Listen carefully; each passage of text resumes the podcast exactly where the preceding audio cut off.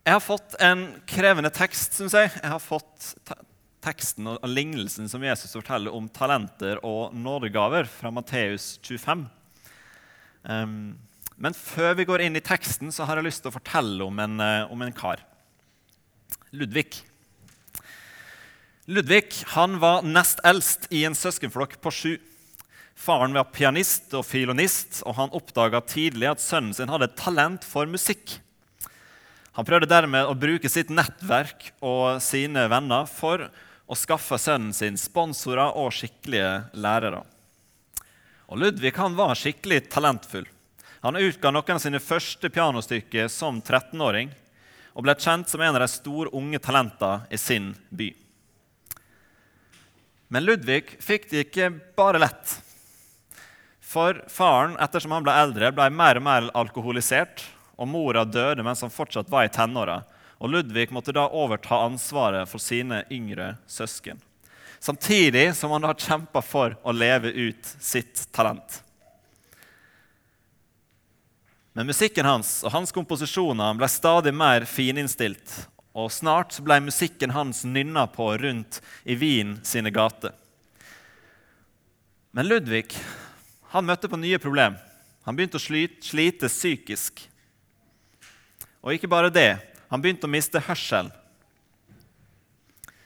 Men han lot seg ikke stanse. Han fortsatte å skrive, og han skrev mer og mer og større og større musikk. Mer og mer kraftfull musikk. Ja, musikk som sprengte grenser og åpna en helt ny musikktradisjon i Europa. Ludvig van Beethoven hadde funnet sitt store talent eller kanskje mer riktig han hadde funnet noe på innsida av seg som ikke bare var for han sjøl, men som han måtte dele med verden. Dette drivet mot å leve ut talentet sitt med alt det han var, midt i hverdagens strev og mas og utfordringer, det ga han en plass blant de aller største i musikkens historie. Men det krevde både utholdenhet, det krevde pågangsmot, det trengte øvelse, og det trengte noen som så han, så hva som bodde i han, og satsa på han. I dagens tale skal vi snakke om talentene. Og Jeg har satt opp tre knagger som gjør at du får jo ikke med alt denne lignelsen kunne si. Men er det tre ting dere kan få ta med dere så er det det første ordet her, som er trofast. Vi skal få være ansvarlige forvaltere av Guds eiendeler. Og for det andre utrustet. Vi skal få lov til å gi hverandre frimodighet til å leve ut det som Gud har gitt hver enkelt av oss. Og så skal vi få være realistiske og få leve i et integrert og helt liv med det som vi har fått. Og For alle dere som da skal videre ut på søndagstur etterpå, så ser dere da at det blir tur på den som tar de første bokstavene i hvert ord. Så da kan dere tenke litt på det når dere rusler rundt hjemme. Hva var det han snakka om igjen? Jo, trofast, utrustet, realistisk. Ok, la oss røyse oss og lese søndagens tekst.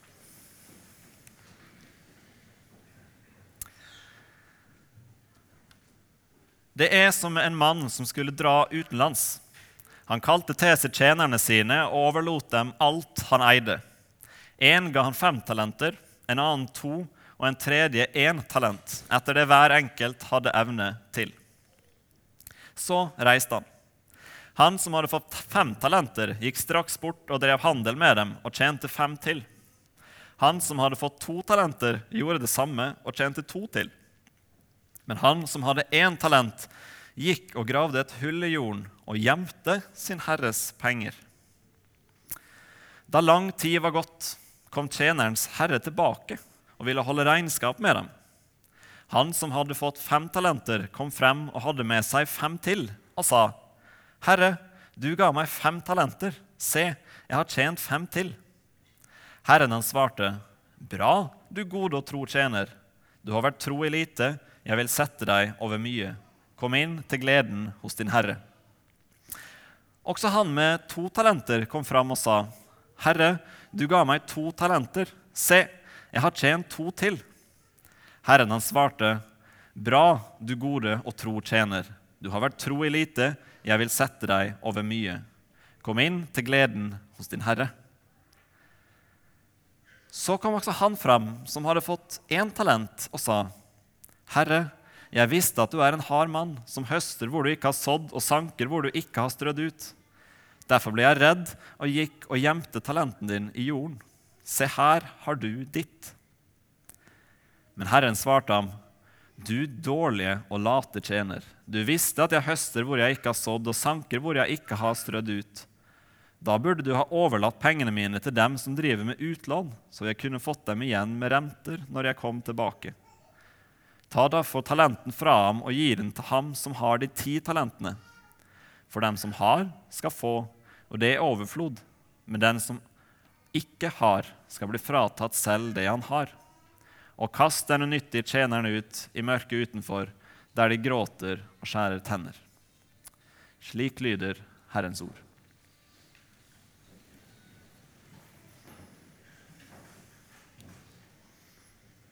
La oss be. Himmelske Far, kom nær til oss nå. Åpne teksten for oss og vis oss hva dette kan ha å si for vårt liv. Ber deg, Gud, om at vi må få så mer hva det er du har gitt til oss, og hvordan vi skal forvalte det på en måte som er deg til ære. Amen. Vi må prøve å få litt oversikt over lignelsen. For Det er en lang lignelse, og det er mye som skjer, og det er mange personer som er involvert. Men det første vi må vite, er hvor lignelsen er plassert hen. Jesus han hadde akkurat ridd inn i Jerusalem. Han hadde drevet ut eh, pengevekslerne fra tempelet. Og nå har han tatt med seg disiplene ut igjen av Jerusalem, sitter på Oljeberget sammen med sine nærmeste, og så holder han en tale om de siste tider. Og Det er denne talen her at det her lignelsen er plassert nesten helt mot slutten. Lignelsen før er lignelsen om brudepikene. Det er lignelsen om de fem kloke og de fem ukloke. De som var forberedt når brudgommen kom, og de som ikke var det. Og Lignelsen rett etterpå det er lignelsen om sauene og geitene. Lignelsen om der det skal være et skille. Det skal være noen som kommer inn til evig glede hos far, og noen som ikke gjør det. Og så har du lignelsen her i midten. Lignelsen som handler om den lange tida da Herren drøyde og var vekke, og hvordan de levde i mellomtida. Og Vi ser det tre tjenere tre tjenere som får utdelt én talent hver. Og en talent, det var mye i seg sjøl. Det er 6000 denarer, eller 6000 dagslønner, som tilsvarer 16-17 års årslønner. Det er ganske betydelige summer. Det er mye denne herren overlater til sine tjenere. Og så får de ulik reaksjon. Noen driver trofast og god handel. altså De setter gavene, de setter det de har fått til å forvalte, i aksjon. De får det til å vokse. Ehm, mens han ene graver det ned og lar det ligge der uendra. De, de to som brukte talentene, dobla avkastningen. Og begge to får den samme lønn. Det var altså ikke størrelsen på hvor mye de fikk ut av det, som var det som gjorde at de kom inn til himmelriket eller ikke men det var om det hadde vært tro mot oppdraget. Og så har vi da han ene. Han ville ikke bruke sitt talent på å få Guds ressurser til å vokse. Nei, han bare forkasta hele oppdraget til Herren sin og ville leve for seg sjøl, bruke sin tid og sine krefter på seg sjøl og søke visdommen i sitt eget hjerte i stedet for å lytte til oppdraget fra sin herre. Han levde bokstavelig talt som om sin herre ikke fantes. Og det var ikke klokt. Det er ganske enkelt i lignelsen å se hva som settes fram som det riktige. En ønsker å være blant de to første tjenerne. Tjenerne som får gode ord og får komme inn til Guds rike. Men så spør jeg meg kan vi få være blant de to første, egentlig?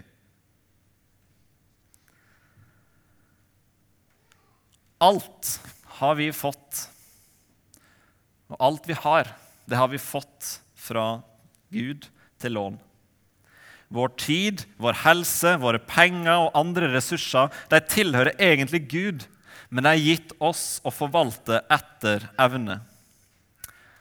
Og Hvordan vi da forvalter livet vårt, er altså ikke likegyldig. Vi er kalt til å leve på en måte som gir himmelsk avkastning som gir mer igjen til Guds rike enn det vi i utgangspunktet fikk utdelt. Og Teksten bør derfor da fylle oss med et alvor og få oss til å tenke gjennom hvordan skikker jeg livet mitt? Lever jeg som om Gud er herre? Eller lever jeg etter mitt eget hjerte, mine egne lyster min egen karriere, min egen familiedrøm eller andre selvregjeringsprosjekt som du har på gang. Hvem som er herre i ditt liv, får konsekvenser for hvordan du forvalter livet ditt. En late tjener forkaster Herren som herre i livet sitt. Og det er ikke noe teksten oppmuntrer til. Teksten oppmuntrer oss kanskje til noe vi kaller for ikke, selvinnsikt.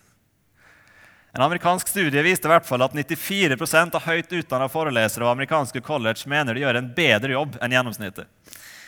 Og bare det er jo et festlig uh, utgangspunkt. At man som regel tenker at man gjør en bedre jobb eh, enn alle andre. Og Derfor har jeg fort tenkt, når jeg har sett på den teksten her, så begynner man fort liksom å tenke at hm, det er en forskjell her. Kanskje har, ja, ja, jeg tenker på et menneske, Den har sikkert fire talenter. Og så har den andre mennesket der borte i menigheten den har, den har to. Og så, og så, begynner vi liksom å fordele talenter på oss forskjellige rundt her. ettersom vi kjenner folk ut våre kristelige kriterier.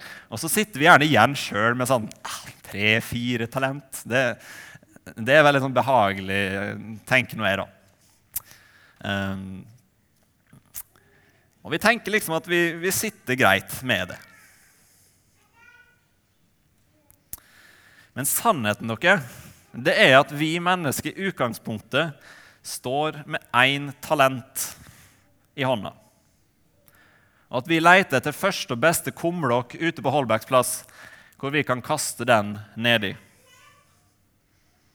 For vi må huske det er vår grunninnstilling til Guds innblanding i våre liv det er ikke 'Ja, Herre, send meg'. Nei, det er mer 'Hva i all verden vil du meg?' Ha det vekk. For hadde det ikke vært for én person som forvalta sine talent fullt ut, så hadde vi aldri kunnet kommet i den stilling at vi kan forvalte Guds talenter. Jesus Kristus var den perfekte forvalter. Den som tok imot Guds talenter og mangfoldiggjorde dem. Han levde ut, fullt ut, et liv som var verdig tiltalen 'Godt gjort, du gode og tro tjener. Kom inn til herligheten'. Vi kan ikke se meningsfylt på denne lignelsen uten å først å se på Golgata. Vi trenger nåde inn i våre liv, vi som prøver å skikke oss vel. Gud som stadig minner oss om sine gaver, så trenger vi nåde. For er vi ærlige med oss sjøl, så hører vi det kallet igjen og igjen, sjøl om vi er kristne. Og så vender vi det døve øret til hans kall, hans utfordring. Vi trenger nåde for å få den rette, ydmyke holdning overfor Gud.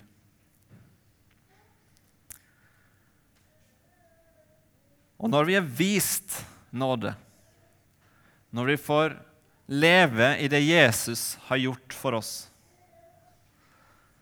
da blir vi ydmyke tjenere og kommer inn i den riktige holdning som gode forvaltere må leve i. For har du fått erfare denne nåden, har du fått møte Jesus som din frelser, så vil du ha han som herre i ditt liv. Og er Jesus din herre, da vil du tjene han og ære han med ditt liv. Og da gjelder òg såkornets lov. Det som vi får så med våre skrøpelige liv, det vil mangfoldiggjøre seg gjennom at vi dør med Kristus og reises opp til et nytt liv sammen med Han. Andre kor 12 sier det slik.: Min nåde er nok for deg, for kraften fullendes i svakhet. Derfor vil jeg helst være stolt av mine svakheter, for at Kristi kraft kan ta bolig i meg. For når jeg er svak, da er jeg sterk.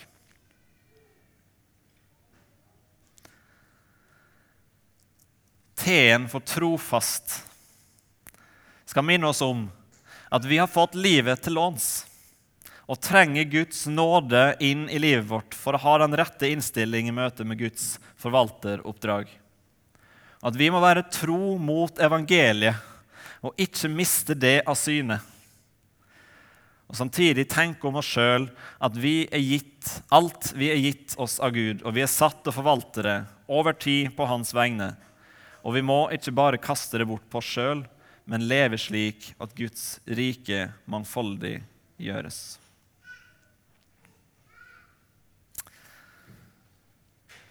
Så er vi da ikke overlatt helt til oss sjøl når vi da får leve i nåden, får leve under Golgata. Men vi har blitt utrusta. Vi har fått en utrustning og en gave, flere gaver, av vår Herre. Og Dette kan du kalle for ekstra ressurser som vi skal få ære Gud med ved å elske Han og elske vår neste. Og Vi leste her i begynnelsen av gudstjenesten teksten fra første kor 12 om nådegavene. Om gavene som er gitt til menigheten, gitt til oss som er kristne, for at vi skal få bygge hverandre opp.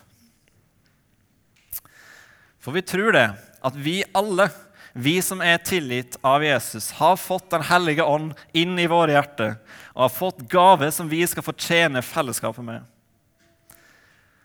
Så vi skal få og gjennom disse gaver så skal Gud få betjene deg og sitt folk ved ordet, ved bordet, i bønnen, med barmhjertighetsgjerninger osv. av alle de gavene som han har gitt. Og Dette var også noe av grunnen til at jeg ville begynne med historie om Ludvig van Beethoven. For det kan forklare for oss litt hvordan dette kanskje kan fungere. For han hadde ei utrustning med en kraft og en musikk som ikke bare skulle være i hans eget hode, men måtte ut til andre mennesker. Og du har noe i deg som ikke er for deg alene. Du har fått noe som er menigheten og fellesskapet til del. Du er kalt til å mangfoldiggjøre Guds ressurser gjennom å tjene andre mennesker med det Gud har gitt deg. Og Teksten oppfordrer oss til å øse av dette med utholdenhet og trofasthet i takknemlighet for at vi får leve med Gud som Herre i livet vårt.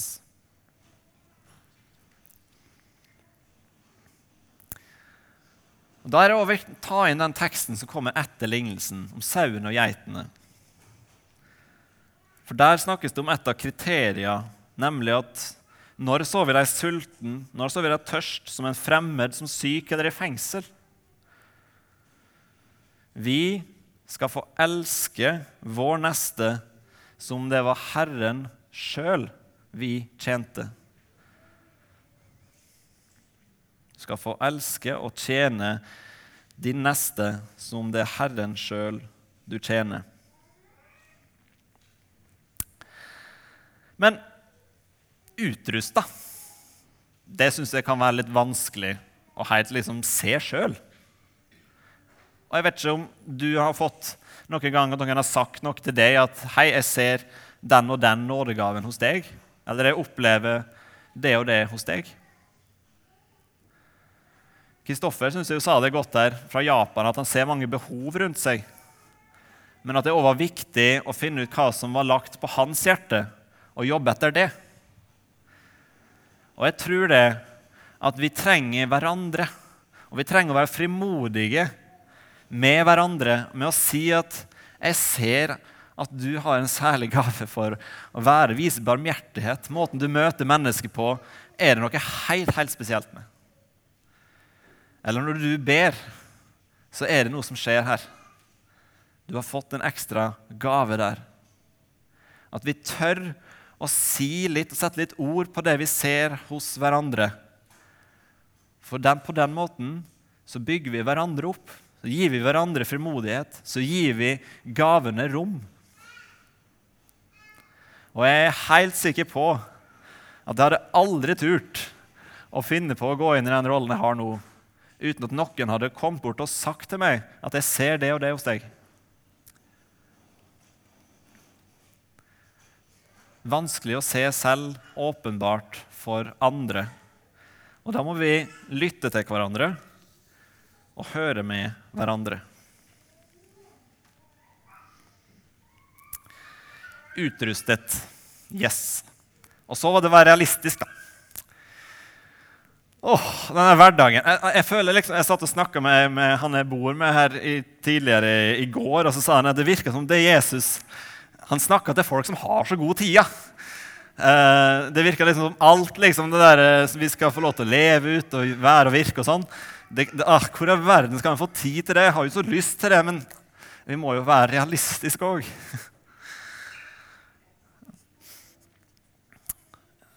Jeg har ikke den tida der. Hvor skal jeg finne den?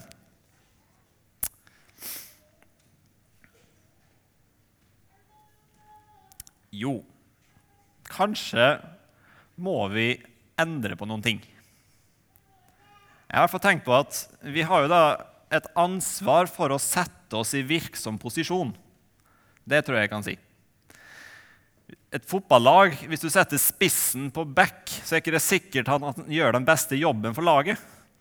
Men får han spille spiss, så kan han putte inn mål. sant? Enkel logikk.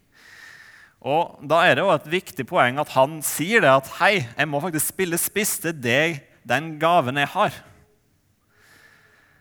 Og Derfor så tror jeg at vi må være litt frimodige på det, og så må det gjenkjennes hos hverandre at det er der han skal være. At treneren sier at det er Ja, det tror jeg. Og Da er det kanskje noen ting som må endres litt på i livet vårt. Men vi har ikke nødvendigvis så fryktelig lett for å endre ting sånn. De bygde ikke operaen nede i Bjørvika på en kveld, men de la stein på stein over tid. Og hvordan ser kalenderen din ut? Jeg vil oppfordre deg til å løfte blikket litt, litt lenger enn neste måned, og kjenne etter. Hvor bør jeg være med mine ressurser og gaver? Og legg en langtidsplan for hvordan du kommer deg i virksom posisjon. Kanskje må du rydde og endre litt i kalenderen. Kanskje må du prioritere litt annerledes. Men det handler om å forvalte dine dyrebare gaver på best mulig måte. Og Legger man en langtidsplan, så kan man endre litt og litt og litt, sånn at man havner i en posisjon der du ser at her lever jeg i tråd med mine gaver og de talenter og utrustning som Gud har gitt meg. Og da snakker jeg om hele livet. sant? Jobben din. Hva type jobb, hva type arbeidsoppgaver. I menigheten, i tjenester, tjenestegrupper, i familien, arbeidsoppgaver, arbeidsfordeling. Tenk igjennom hvor kan jeg fortjene med de gaver og utrustning som Gud har gitt meg.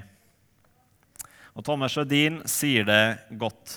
Framgang er ikke et synonymt med å lykkes på kort sikt. Det er å fortsette å gjøre det man vet man er her i verden for å gjøre, uansett resultat.